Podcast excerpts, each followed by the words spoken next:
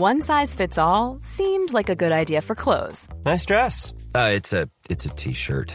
Until you tried it on. Same goes for your healthcare. That's why United Healthcare offers a variety of flexible, budget friendly coverage for medical, vision, dental, and more. So, whether you're between jobs, coming off a parent's plan, or even missed open enrollment, you can find the plan that fits you best. Find out more about United Healthcare coverage at uh1.com. That's uh1.com. Ready to pop the question? The jewelers at BlueNile.com have got sparkle down to a science with beautiful lab grown diamonds worthy of your most brilliant moments. Their lab grown diamonds are independently graded and guaranteed identical to natural diamonds, and they're ready to ship to your door. Go to BlueNile.com and use promo code LISTEN to get $50 off your purchase of $500 or more. That's code LISTEN at BlueNile.com for $50 off. BlueNile.com code LISTEN. Many of us have those stubborn pounds that seem impossible to lose, no matter how good we eat or how hard we work out. My solution is PlushCare. PlushCare is a leading telehealth provider with doctors who are there for you day and night to partner with you in your weight loss journey. They can prescribe FDA-approved weight loss medications like Wagovi and Zepbound for those who qualify. Plus, they accept most insurance plans. To get started, visit plushcare.com slash weight loss. That's plushcare.com slash weight loss.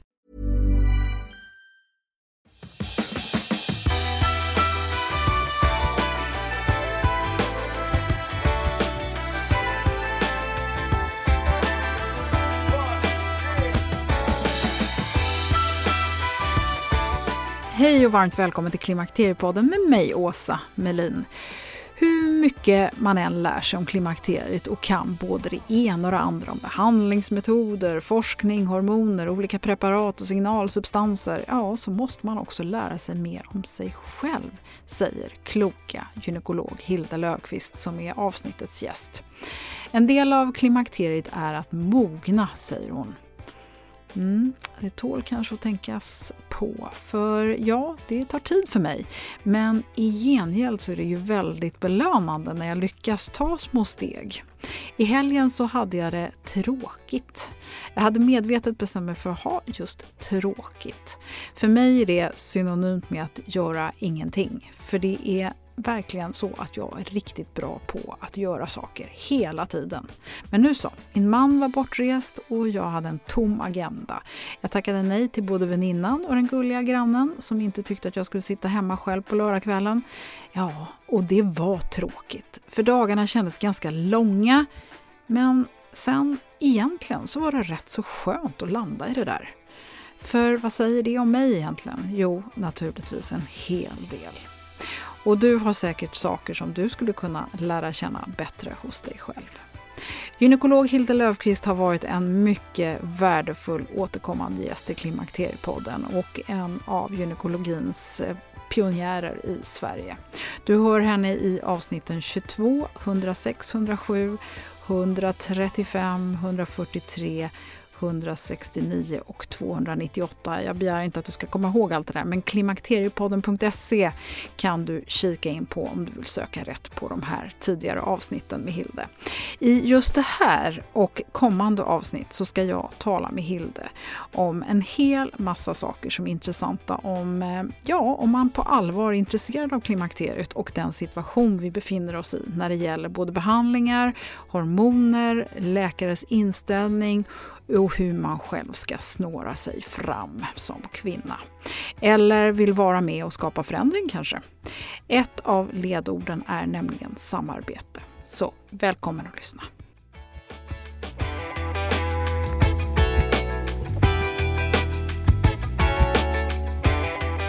Då är jag väldigt, väldigt glad för att få välkomna dig, Hilde Löfqvist, tillbaka till Klimakteriepodden. Tack Åsa. Alltså du är nu pensionär, det är helt fantastiskt. Eh, du har ju väldigt många järn i elden trots det, men inget kliniskt arbete. Hur, eh, hur, vad händer? Hur mår du? Oh, jag mår jättebra. Nu kan jag själv bestämma om mina åtaganden. Men jag har ju alltid varit en sträng arbetsgivare åt mig själv. Vet du. Och eh, som barn fick jag ju lära mig, plikten kommer först, sen kommer nöje. och det, är, det sitter i. helt mm. klart. Mm. Men eh, det är väldigt roligt att få bestämma själv och då har jag naturligtvis många järn i elden. Men jag kan kombinera min fritid väldigt mycket bättre med det som jag upp, jag anser som min plikt. Och min plikt är ändå att fortfarande prata om myter och fakta eh, och eh, röja bland det här. Samt att hjälpa kollegor som eh, kanske har svårt att försvara det hela. Och eh, sedan ska det vara sunt förnuft naturligtvis. Det ska vara fakta och sanning. Och det är mycket att göra med detta. Så jag jobbar med föredrag, med böcker, med möten och så har jag också en, en podd. Jag har ju gjort som du, att försöka med en podd, men det är jättemycket arbete. Den heter Dr. Hilde-podden. Men eh, framför allt eh, håller jag på med att skriva en ny bok. Som en uppdatering efter hormonkarusellen kan man ja, säga? Jag har ju skrivit böcker på Alltså först den här svenska boken, eh, den översattes också till norska och finska och danska. Och i Danmark säljs den ganska bra av en kollega. Okay. Eh, sen har jag skrivit en bok på tyska.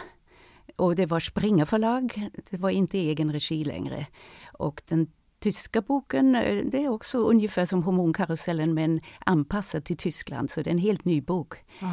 Och sen skrev jag en engelsk bok också i Springer förlag, som var meningen att det skulle vara för kollegor också. Så en kombination av att eh, ha mer vetenskaplig tyngd och uppdatering plus att det ska vara för den engelsktalande kvinnan.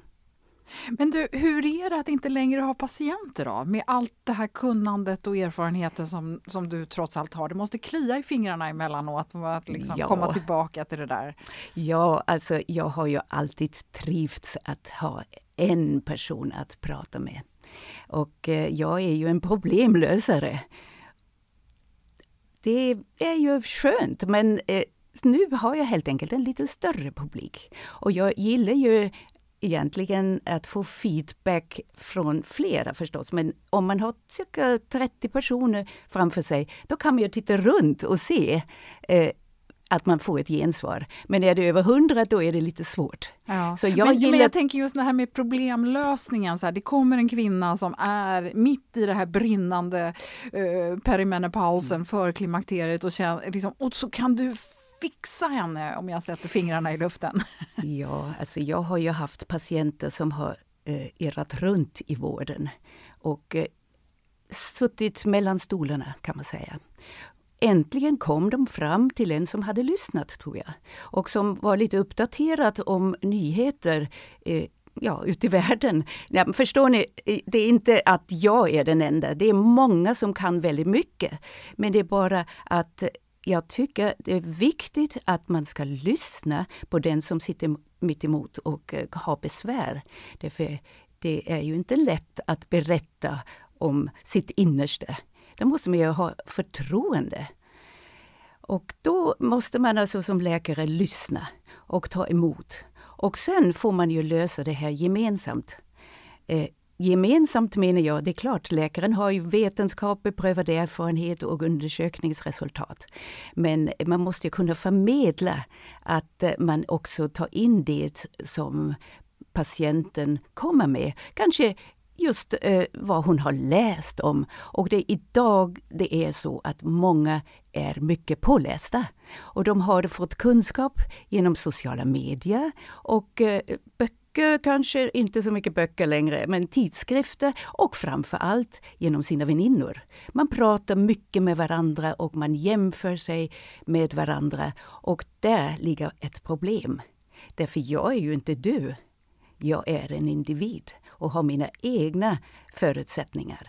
Och det är det man måste fram, få fram när man är en läkare som lyssnar. Förstår du? Mm, mm. Men du, eh, det finns ju man skulle väl kunna säga att dina sista kliniska år var väldigt händelserika just när det gäller eh, det här med klimakteriet. Från att ha jobbat ganska lugnt och du hade din mottagning i Katrineholm så mm. hamnade du i Stockholm och sen så plötsligt så blev det här med klimakteriet en ganska stor eh, grej. Någonstans runt 2017-2018 började det ju verkligen eh, bubbla och då var det ju liksom plötsligt en enorm kö utanför din dörr. Varför blev du så eftertraktad då? Ja, du vet, jag var en pionjär utan att förstå det. Men det var andra som förstod det. Och det var framför allt Folke Flam, tror jag, min förra chef på Sevita Care. Det var ju han som tog mig till Stockholm. Förut hade jag min praktik i Katrineholm och då hade jag ja, hela bredden av gynekologin i öppenvård. Och, men så kom ju det här med klimakteriet mer och mer och kvinnor kom till mig därför jag hade ju då eh, befattat mig mycket med mikroniserad progesteron. Alltså det som vi kallar bioidentiska hormoner. Eh, och då eh, tyckte Folke Flam nog att det kanske kan vara bra att ha Hilde på mottagningen. Och mer och mer blev det en klimakteriemottagning. Jätteroligt! Så att jag hade en, en renodlad klimakteriemottagning till slut. Men vad var det, tror du, som gjorde att kvinnorna hittade dig? Ja, jag hade ju skrivit några debattartiklar i Läkartidningen som uppmärksammades. Och sen var det ju Mia Lundin eh, som kom och också spred det här. Och vetenskapen, det är tidningsartiklar var före Mia Lundin. Det var den här, eh, vad heter hon, Carolina Kockum tror jag heter hon. Det var efter den här stora franska undersökningen som kom eh, 2005 och eh, där det uppmärksammades eh, mikroniserad progesteron att det skulle då alltså vara eh, mycket mer gynnsamt när man tänker på bröstcancerrisken. Alltså redan 2005 var det någon som, som så ja. att säga uppmärksammade det här? Ja, och då började jag med eh, att skriva ut eh, mikroniserad progesteron till mina patienter. Du vet, det är så länge sedan, det är nästan 20 år sedan jag har skrivit ut eh, progesteron. Och då, hur, hur stod Frankrike och, och, Tyskland, som vi ofta refererar till som föregångsländer, hade de, var de med i samma tåg eller hade de också börjat innan? Eller hur? Det var trögt överallt. VHI-studien, som vi har pratat om så jättemycket, blev ju ett stort fiasko på många sätt. Både för Eh, ja, kvinnosjukvården på många sätt. Därför det var ju det här med eh, att eh, plötsligt var det inte bra att behandla med hormoner längre. Det var ju sån risk för bröstcancer. Men det var ju media som hade förstorat upp det här och egentligen eh, gjort fel. Därför det var ju inte bröstcancern som var det viktiga, det var hjärt-kärlsjukdomar som var eh, det viktiga i VHI-studien. Men allt det här, det skadade och så var alla rädda att skriva ut hormoner till kvinnor mot klimakteriebesvär. Men kvinnorna fortsatte ju lida. Och där kom då den här franska studien som hade pågått i väldigt många år. De hade bara eh, ja, lyssnat och sen publicerat den då, när det kom i rätt ögonblick. Därför då var det en ny lösning. Men där finns ju mycket att prata om, det har jag skrivit i min bok också, eh, hur man gjorde, eh, ja, om man tänker på Amerika, det var ju ännu mer eh, ja, förändringar där inom vården. Det kan man ju tänka sig. Amerika stod ju i spetsen med VHI-studien. Och då eh, var det ju de här syntetiska eh, hormoner, både östrogen och, ja östrogen är inte syntetiskt det här, men det är ju ändå hästhormon. Eh, det är inte det vi använder i Sverige, inte biodentiskt östradiol. Och sen hade de då metroxyprogesteronacetat det var alltså motsvarande Provera hos oss. Det var i, eh, i VHI-studien. Men eh, i Amerika kom ju också rörelse som tog bioidentiska hormoner i första hand. Men där blev det lite fel. Eh, därför det var sådana preparat som var en blandning av allt väldigt individualiserat för en enskild kvinna, men inte paketerade och standardiserade och där kunde man ju inte göra någon forskning på. Och dessa preparat godkändes inte av eh, myndigheterna i Amerika.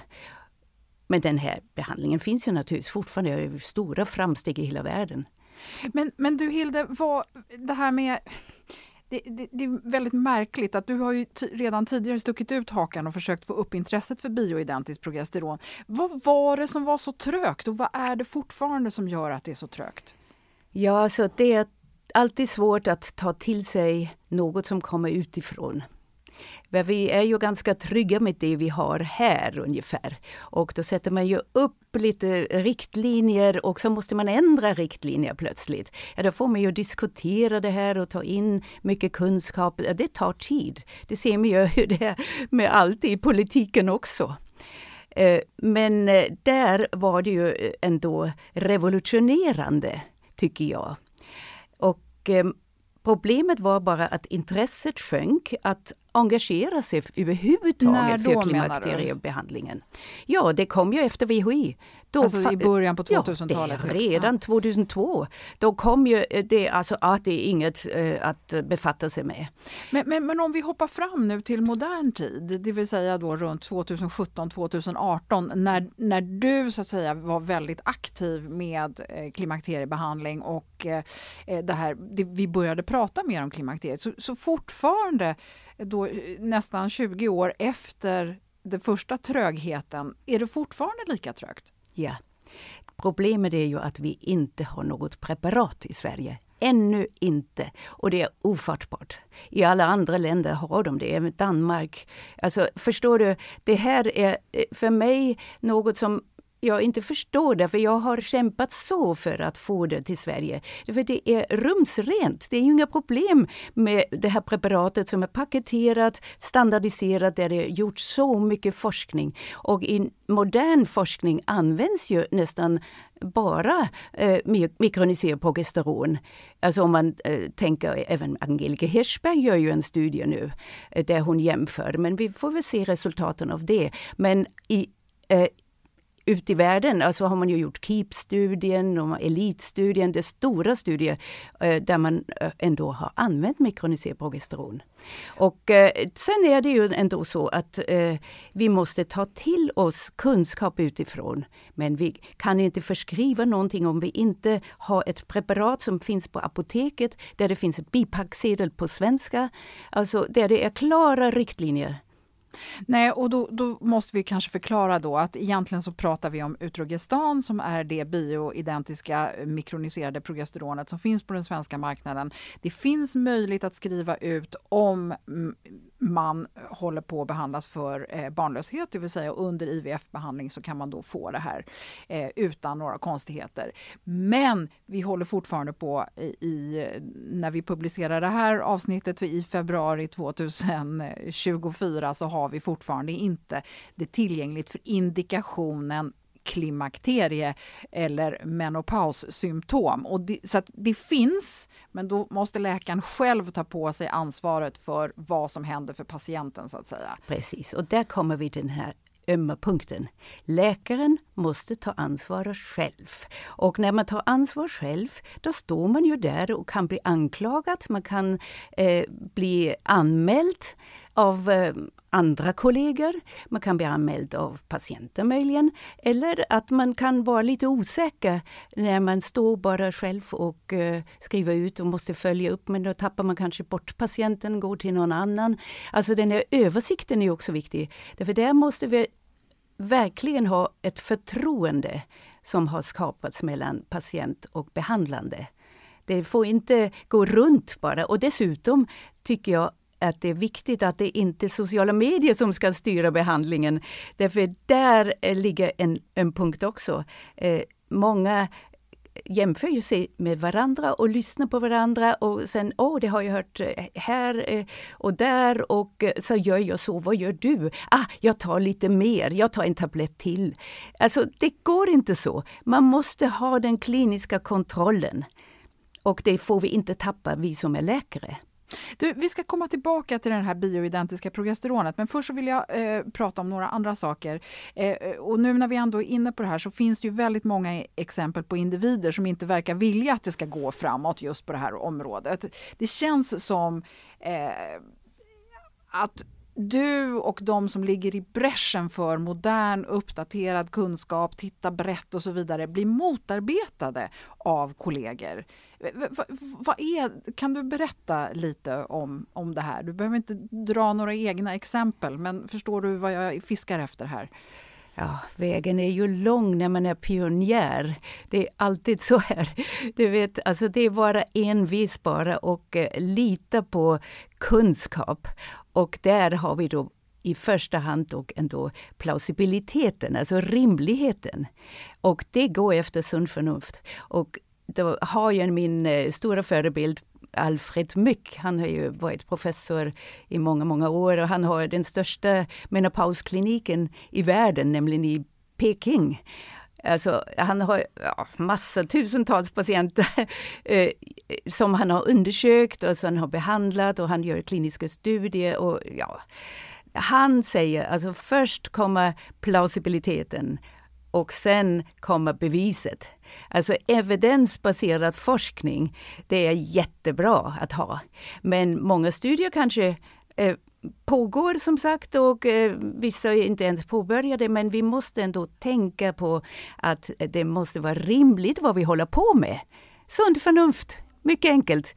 Och sen kommer kanske studier, så småningom bevisar det ju. Men det är trögt, det kan vara eh, ganska många år tills beviset kommer. Och en sak till. Jag tror det här med beprövad erfarenhet, det har varit läkekonst. Det har varit jätteviktigt för oss. Eh, vi har som läkare alltid sett, ja, på en mottagning till exempel har jag behandlat så och så många. De har mått bra med det här. Ja, det har inte varit några biverkningar, det är den egna erfarenheten, alltså beprövad erfarenhet. Och om man håller på i många år, då har man ganska mycket beprövad erfarenhet. Och dessa doktorer, de kan man nog, eh, ja, kanske handplockar, vad vet jag. Men i alla fall de som har varit lite nördar och befattat sig mycket med ett ämne, så som till exempel eh, hormonbehandling, de kan nog sin sak. Jo, men alltså det här är ju någonting som måste ut bredare och då upplever jag att det finns eh, en, en nästan häxjakt emellanåt på individer som försöker gå i bräschen och som försöker... Du har ju själv varit utsatt i omgångar för att bli motarbetad och ifrågasatt. Mm. Alltså, vad, vad, vad, om man vill skapa en förändring och upplysa kring behandlingsmetoder som inte är särskilt använda i Sverige så blir det ju... Alltså, det, det, jag kan inte begripa varför kollegor emellan skulle försöka sätta stopp för det här. Ja, jag kan inte heller begripa det, Åsa. Jag förstår inte det. Det är alltså utanför min uh, uppfattning. Alltså det, det, uh, jag skulle ju aldrig göra så. Vi måste vara ödmjuka. Varför ska vi uh, vara så emot varandra? Ja, vet inte. Makt. Kan det vara makt? Jag har ingen aning. Jag försvarar ingen kollega. Därför alla kollegor måste ju naturligtvis vara, naturligtvis vara sin egen eh, alltså, eh, läkare, alltså måste jag ändå eh, kan man säga, ha, ta sitt eget ansvar. Eh, och det är därför man blivit läkare. Eh, alltså man måste ju eh, ta ansvar själv och bestämma efter det man har lärt sig. Och då kan man inte luta sig mot en, en kollega. Då måste man stå själv.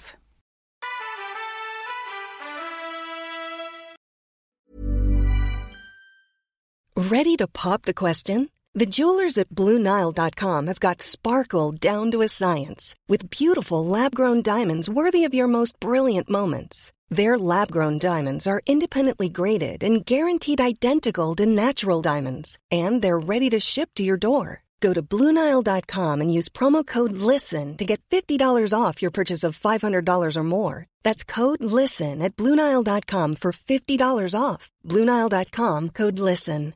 Hey, I'm Ryan Reynolds. At Mint Mobile, we like to do the opposite of what Big Wireless does. They charge you a lot, we charge you a little. So naturally, when they announced they'd be raising their prices due to inflation, we decided to deflate our prices due to not hating you. That's right. We're cutting the price of Mint Unlimited from $30 a month to just $15 a month. Give it a try at mintmobile.com slash switch. $45 upfront for three months plus taxes and fees. Promote for new customers for limited time. Unlimited more than 40 gigabytes per month. Slows. Full terms at mintmobile.com. Ever catch yourself eating the same flavorless dinner three days in a row? Dreaming of something better? Well, HelloFresh is your guilt-free dream come true, baby. It's me, Gigi Palmer. Let's wake up those taste buds with hot, juicy pecan-crusted chicken or garlic butter shrimp scampi. Mm. Hello Fresh. Stop dreaming of all the delicious possibilities and dig in at hellofresh.com. Let's get this dinner party started.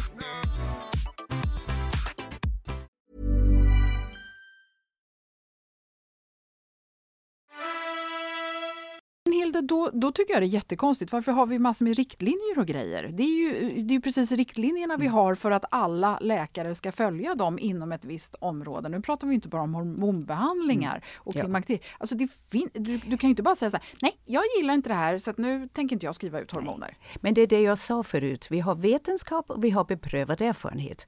Men ansvaret ligger ju hos den enskilde behandlande läkaren, trots allt. Alltså man blir ju hängt om man gör fel.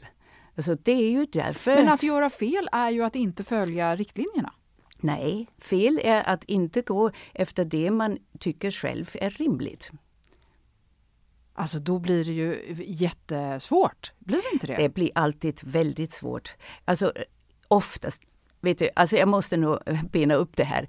Oftast är ju ändå så att riktlinjerna har upparbetats eh, länge och man har tagit hänsyn till väldigt mycket vetenskap och studier och har kommit fram till konsensus eller Även om det har varit väldigt många olika åsikter, inte bara åsikter, det är ju alltså vetenskap, det är ju alltså eh, evidensbaserad kunskap. Och det mest eh, evidensbaserade är det ju de här RCTs, alltså Randomized Controlled Trials, med dubbelblind eh, studier och allt det här. Det, det finns så mycket sådana RCTs, alltså som där man kan alltså då stödja sig emot. Men den enskilda läkaren måste ju känna till dem också. Inte bara att eh, vad vet det, SFOG har sagt så jag tror att det är kunskap hos den enskilde läkaren som är självklart. Det är därför vi har blivit läkare, därför vi ska ju stå för det vi står eh, eller behandla. Det är ju inte någon som håller handen. Jag kan inte hålla handen med folk i flam om jag behandlar. Jag måste ju behandla själv. Och det, på receptet står mitt namn. Alltså, så är det bara. Vi är ganska ensamma, vi läkare. Vi är ju utsatta. Jämför oss med advokater de är ju också ensamma när de står där inför rätten. Mm. Det är ett yrke som är utsatt och då är det inte hålla handen. Men, men Hilde, hur, hur kommer vi så att säga framåt då? För då kan man ju alltid som läkare säga så här, nej men jag vill inte befatta mig med det där. Jag vill inte lära mig mer om det ämnet. Jag har inte tid att lära mig mer om det ämnet. Min mottagning eller min klinik, där är vi inte i framkant och vi är inte intresserade. Ja, men det är ju så. Då får man helt enkelt eh, ha ett nätverk och hänvisa till en kollega som befattar sig med det. Jag tror att vi läkare måste ju också lära oss att samarbeta bättre genom nätverk. Det är jättebra. Det gör ju andra också. Nätverk eh, är, väldigt, väldigt bra. Och bredden är också bra, men i dagens samhälle är det ju så. Det, I alla branscher är det så att man har subspecialiserat sig. Man skulle aldrig kunna allt om allting. jag kan ju inte så mycket om, vad vet jag, IVF, säger vi. Jag har inte befattat mig med IVF. Jag skulle aldrig eh, behandla eh, en kvinna med IVF eh, utan att ha lärt mig mer. Så då säger jag, varsågod, gå till en IVF-klinik. Jag hänvisar. Och, men då remitterar man helt enkelt. Men, men Hilde, nu när då eh, klimakteriebehandling ska ligga på primärvården. Vad, för mig låter det då som att det här kommer ju liksom bli en, en historia som aldrig får ett lyckligt slut. Ja. ja, det är väl lite sorgligt tycker jag att man anser att det är så lätt att behandla mot klimakteriebesvär. Därför det är ju faktiskt inte alls lätt. Det är så att kvinnan kommer ju in i en fas där mycket mycket gungar. Det är ju, eh, som jag alltid sagt, det är mitt i livet där eh, hormonerna går ner. Den främsta orsaken, och det ska vi aldrig glömma, är nog ändå att äggstockshormonerna sviktar hos alla kvinnor. Och det är vetenskapligt klart den främsta orsaken till påverkan på kroppen och psyket.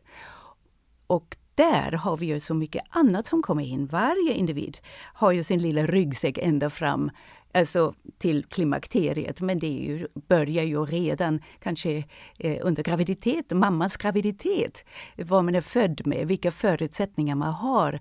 Eh, och eh, ja, det psykosociala och också var, i vilken miljö och eh, vilka eh, föräldrar man har naturligtvis, men föräldrarna, det är inte föräldrarnas fel att det inte går bra. Det är mycket i omvärlden och så kommer man in i tonåren, alla Ja, vad ser vi med eh, tonåringarna idag, vad de är utsatta för? Det är förskräckligt. Och så går det vidare, om man har en trygghet och man kan kanske ha en bra ryggsäck med sig, då är man ju kanske lyckligt lottad. Men vi är inte alla Agnes Wold kanske du vet vem Agnes Wold är? Ja, ja alla men vad vet menar vem. du med det? ja, för Agnes Wold eh, verkar vara så hurtig och ha klarat klimakteriet utan några problem. Bara ta av sig tröjan. Det går och räcker. Men det är inte så med alla. Och därför är vi så känsliga och vissa individer är extra känsliga. Och jag tror det här med psykisk ohälsa, det är någonting som har eh, uppmärksammats väldigt mycket. Och där har vi en punkt att vissa kvinnor är helt enkelt känsligare också för dessa hormonella svängningar. Och då kommer de in i klimakteriet och då kommer allt på en gång. Hormonerna sviktar, psyket är ostabilt och maken förstår inte. Det är så mycket annat också. Barnen kanske krånglar och eh, man tappar sugen på jobbet, man sover dåligt. Ja, och så är det pannkaka. Mm. Och där eh, är det att förstå att det är flera faktorer och inte bara hormoner som sviktar. Alltså, där så, så, så just därför borde ju då primärvården egentligen vara ett väldigt bra forum att starta i om man nu behöver reda ut många aspekter. Ja, men stackars primärvårdsläkaren har ju så mycket annat att syssla med. Och där, alltså det, jag tycker det är jättebra att primärvårdsläkaren kan lära sig mer om det här och arbeta med detta. Ja, jag tycker det är idealiskt. Men eh, den, den har i dagens eh, stora värld med allt vad som är kunskap alldeles för mycket, så det är för lite tid. Men då kanske eh, måste man utbilda kanske inom primärvården eh, också eh, läkare som sysslar speciellt med eh, eh, just klimakteriet. Det tycker jag är väldigt bra. För då har en primärvårdsläkare alla dessa andra områden den har lärt sig bättre än en gynekolog. Men sen har man å andra sidan gynekologen som sitter inne med mycket kunskap om hormoner, om hur livmodern, äggstockar, äggledare, vagina, allt det här har utvecklats eller hur det har förändrats, vilka påverkningar det har varit under kvinnans liv och eh, förändringar kan ju vara patologiska, också hormonella förändringar, andra sjukdomar kan påverka, eh, cancer, ja. Där har vi mer kunskap, vi är ju mer i djupet. Mm. Och vad jag eh, tycker skulle vara jättebra, att man har ett bättre samarbete mellan eh, gynekologen och primärvårdsläkaren, det är en enhet. Jag har ett väldigt bra exempel av min kollega i Wien. Jag har ju åkt på så många kongresser och är, ja, ja, hon är i alla fall en sån här som jag har eh, gått på eh, alla dessa avancerade utbildningar om klimakteriet på. Och hon är allmänläkare med väldigt djup och holistisk syn tycker jag. Men hon gör inte gynundersökningar faktiskt. Hon har ett nära samarbete med en eh, kollega, med en gynekolog. Men då är det ju direkt. Det blir en koppling som fungerar. Och kollegan som är gynekolog förstår ju att hon inte kan behandla allt det här andra runt omkring. Och hon litar ju på min kollega då alltså. Mm. Förstår ni? Det är ett mm. intimt samarbete som vi måste etablera och det tror jag blir väldigt bra. Mm. Ja, eh, jag hoppas du har rätt för det, i så fall så kan det ju tänkas bli perfekt alltihopa. Ja. Och det finns ju krafter i Sverige som faktiskt jobbar för det här att mm. liksom samverka, att involvera flera. Och, och, på det ämnet så skulle jag ju vilja komma till eh, stress. För när du fick lite mer tid i eh, kalendern så valde ju du det att utbilda dig mer just kring stress. Och jag måste ju bara lägga till att några gånger när du och jag har träffats, herre gisses vilken stressad situation du satt i då. Alltså det var, eh, du har ju egen erfarenhet av hur det är att vara stressad och pressad från alla håll och kanter. Du var ju under en period så tror jag att du jobbade mer än vad som är rimligt för någon människa överhuvudtaget, så jag förstår det. Ja. Men du... ja. ja det, det, vi, det, är flera som gör så, tror jag. Det finns eh, väldigt många som arbetar jättemycket. Men det är ju så att vi är individer. Jag hade kunnat bli utbränd, men tack och lov blev ju inte det. Jag har väl någon motståndskraft inom mig, jag vet inte. Men det är därför jag ville veta också. Jag vill veta om stress, mer om stress och eh, det är eh, alltså vad är stress egentligen? Det är ju egentligen en eh, biologisk reaktion helt enkelt, att skydda oss själva. Och där har jag sett, aha, skydda oss själva, hormoner. Det är ju också det här med, eh, hormoner är också något som skyddar oss. Och hormoner som sviktar i klimakteriet, ja vad är det för mening? Alltså allt har ju en mening.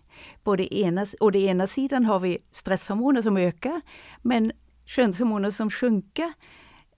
Det måste finnas ett samband förstås. Och om man inte mår bra under den här tiden, då det, eh, kan det vara att det kommer lite för tidigt också att stressen påverkar för att komma för tidigt in i klimakteriet. Alltså stress och äh, sexhormoner, alltså stresshormoner, sexhormoner, det kan man ju säga hänger väldigt starkt ihop. Och och när Därför... du säger sexhormoner så menar du egentligen då östrogen, gulkroppshormon Allt. och testosteron? Ja, glöm inte mannen i det här. Men mannen med testosteron är ju precis också lika mycket utsatt för stress. Ja, och då hade jag en, eh, en stor förebild, professor Alfred Wolf i Tyskland. Han var ju egentligen den som fick mig att komma in med det här med bioidentiska hormoner. Jag kom på hans för, första föreläsning 2005 och eh, så lärde jag mig, ja, det var inte bara han förstås, men flera. Och sedan dess har jag lyssnat på hans föredrag och han har befattat sig mer och mer med stress. Och nu håller han ju utbildningar i stressmedicin. Då tänkte jag, ah, jag anmäler mig får vi se.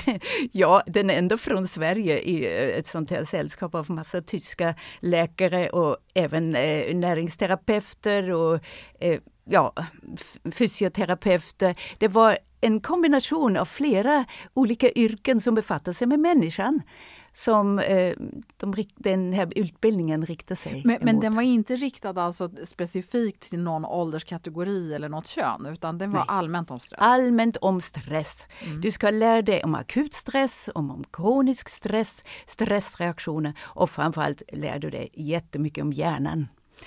Det är det. Och eh, alltså den här utbildningen, eh, det är klart det finns många stressutbildningar men där eh, har han ju den här biologiska synen på eh, hjärnan också. Det tycker jag det var så intressant. Att man eh, måste ju se vilka funktioner det finns och hur det kan ändra sig just genom stress. Och hur vi är skapta. Så det, eh, det är ju stressande mönster, stressförstärkare och det utgör ju vår personlighet. Och eh, där har vi då olika eh, ja, formulär man ska fylla i förstås. Alla går ju igenom det här.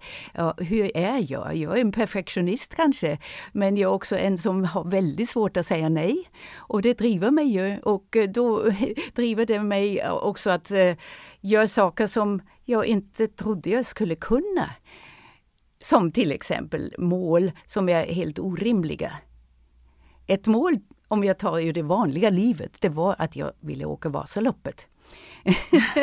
och det är lite orimligt. Men eh, det gjorde jag förra året igen, efter tio år. Ja, det var andra gången. Men det var bara en viss träning, men inte överdriva. Och det gör ingenting att du är långsam, bara du tar dig igenom. Och det ger ju en, en ganska stor tillfredsställelse till slut. Men ska kanske inte behöva göra om det. Men det är alltid sådana mönster, förstår du? Man belönar sig och då har vi väl dopaminsystemen, men jag kunde gå in i alla detaljer om detta. Men det kommer ni att läsa i min bok om eh, alla dessa olika påverkningar. Eh, men sen har man också en sak till, det är ju det här med eh, det autonoma nervsystemet. det är ju det här akuta, sympaticus ni vet, och parasympaticus som är mer det lugnande. Det kan man mäta med hjärtrytmvariabiliteten. Eh, det finns också sen i min nya bok eh, och där gör ju eh, Wolf en viktig punkt av. Och det tredje är att man ändå också kan mäta neurobiokemiska markörer. Då har vi ju då dopamin, adrenalin, noradrenalin, serotonin. Ja, sen har vi också kortisol. Om man mäter alla dessa ämnen hos en stressad person är det ju annat än hos en som är helt utvilad eller är helt i balans. Och, och, hur, hur kommer det här in i klimakteriet? Då? Ja, det kommer mycket in i klimakteriet därför att många kvinnor eh, är ju väldigt stressade just kring den tiden. Och om de lär sig mer om sitt stressande mönster och ser det också biologiskt, då tror jag nog att då lär de sig lite mer om sig själva. Och det viktigaste är att man ska mogna. Man ska alltså bli en mogen människa och det blir man ju bara genom kunskap om sig själv, inte genom att jämföra sig med varandra. Alltså det är viktigt att lära sig vara sig själv. Och det tror jag nog du lärde dig även genom att du lärde dig mer om din egen stress, ditt eget stressmönster och vad du kan göra. Sen, alltså att lära sig är ju en sak, men sen finns det ju naturligtvis massa terapeutiska åtgärder. Och jag är nu med i en sån här grupp i Tyskland i ett nätverk med andra terapeuter tillsammans. Men jag har inte tänkt mig att jag ska börja med en stressmottagning. Jag tror inte, jag är för gammal för att hålla igång igen så här. Därför det blir ju samma mönster för mig. Alltså jag är ju sån...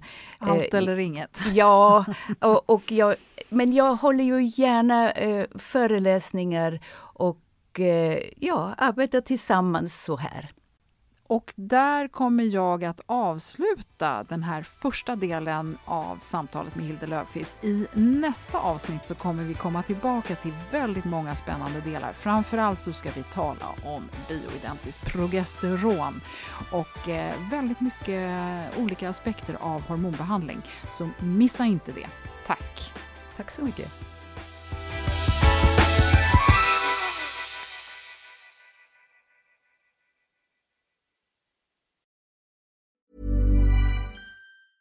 Ever catch yourself eating the same flavorless dinner three days in a row?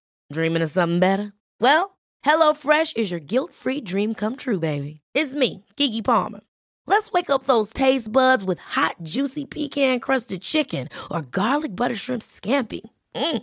Hello Fresh.